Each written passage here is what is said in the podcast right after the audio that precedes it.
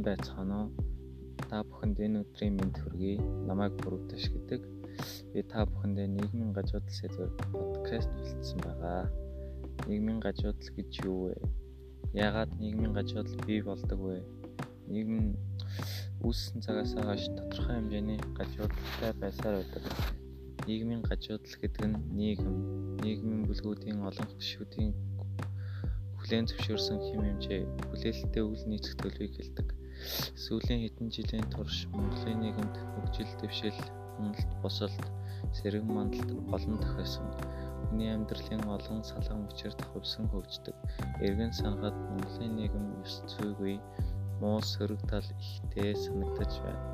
Аль нэг нийгмийг гажуудсан, гажуудал болчихж гээд шууд дүгнэх нь эрсдэлтэй нийгмийн гажуудалд орж байгаа шалтгаан нь амьдралын эргэн тойронд харилцах, холбогдох бүх зүйлс эсрэгээрээ тонгороо болсон байдаг. Энэ бүхний үндэс нь нийгэмд ёс суртахууны бүхий л үнэт зүйлс хэм хэмжээ, эдийн засаг, уналтанд орсон явдал юм. Аль ч нийгэмд болохгүй бүтэхгүй юм байдаг бөгөөд одоогоор нэг ч гэмт хэрэг бүртгэгдээгүй, арх хуугаагүй, тамхи татдаггүй, амиа хорлоогүй, дарга захирлууд авилга аваагүй хүнд сурталгүй төгс шахуу нийгэм одоогийн байдлаар байхгүй байна. Тэглээгээд тэр чихтэй гажуудчихлаа гэж хэлээд байдаггүй. Хамгийн гол асуудал нь ёс суртахуунд л байдаг. Учир нь ёс суртахуун бол хэм хэмжээ үнэлэмж өгөөд нийгмийн мэрэгжлийн бүлгийн гэр бүлийн шашны зан заншлын гих мэт бүхий л үнэт зүйлс түүнд дагуулж байдаг. Ёс суртахуунтай гэмт хэрэг ёс зүйтэй ойлголт гэж хизээч байдаггүй шүү дээ.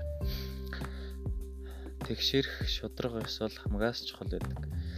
Би бодохдоо гажуудлыг арилгахын тулд төрийн түвшин хүмүүс ухаалаг байх хэрэгтэй гэж боддог. Тэглээгээд улс орон хөгжихгүй нь мэдээж ад иргэд мөн ухаалаг хандаж хамтын хүчээр нийгмийн гажуудлыг арилгах боломжтой.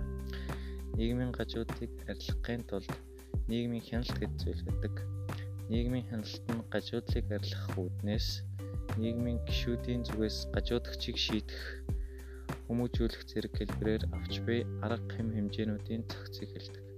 Гажуудагчийг шийтгэснээр гажуудагч хүмүүжиж нийгмийн гажуудлыг дахиж бий болгох буюу явуулдаг. Нийгмийн хяналтыг албан ба албан бус гэж ангилдаг.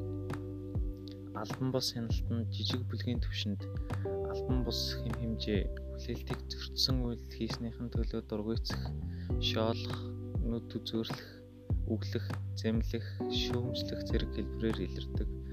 Албан ёсны хяналт нь албан хэм хэмжээг зөрчснийхэн төлөө сануулга өгөх, ажлаас нь алах, торгох, эрхийг нь хязгаарлах, хорих, заазаар авах зэрэг албан ёсны үүрэг хүлээсэн байгууллагын хүчээр хэрэгждэг. Зохих албатлагад тулгуурласан хяналтын тогтолцоог хэлдэг. А манай улс Монгол улсад бол харин цаазаар авах хэл байдаггүй. Ингэснээр нийгмийн хэм хэмжээг хүлээлтэд нийцэх төлөвийг аялдах үйлдэл гэж нэрлэдэг.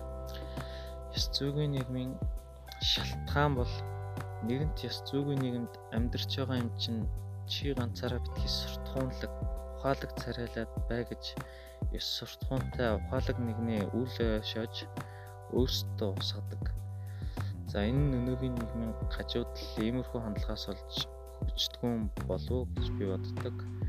Ядуу хүн ёс суртахуунгүй байна эсвэл ёс суртахуунтай нийгэм бүрэлдэхийн тулд ядуурлаас гарах хэрэгтэй гэдэг нь тийм ч оновчтой дүгнэлт биш юм шиг санагддаг.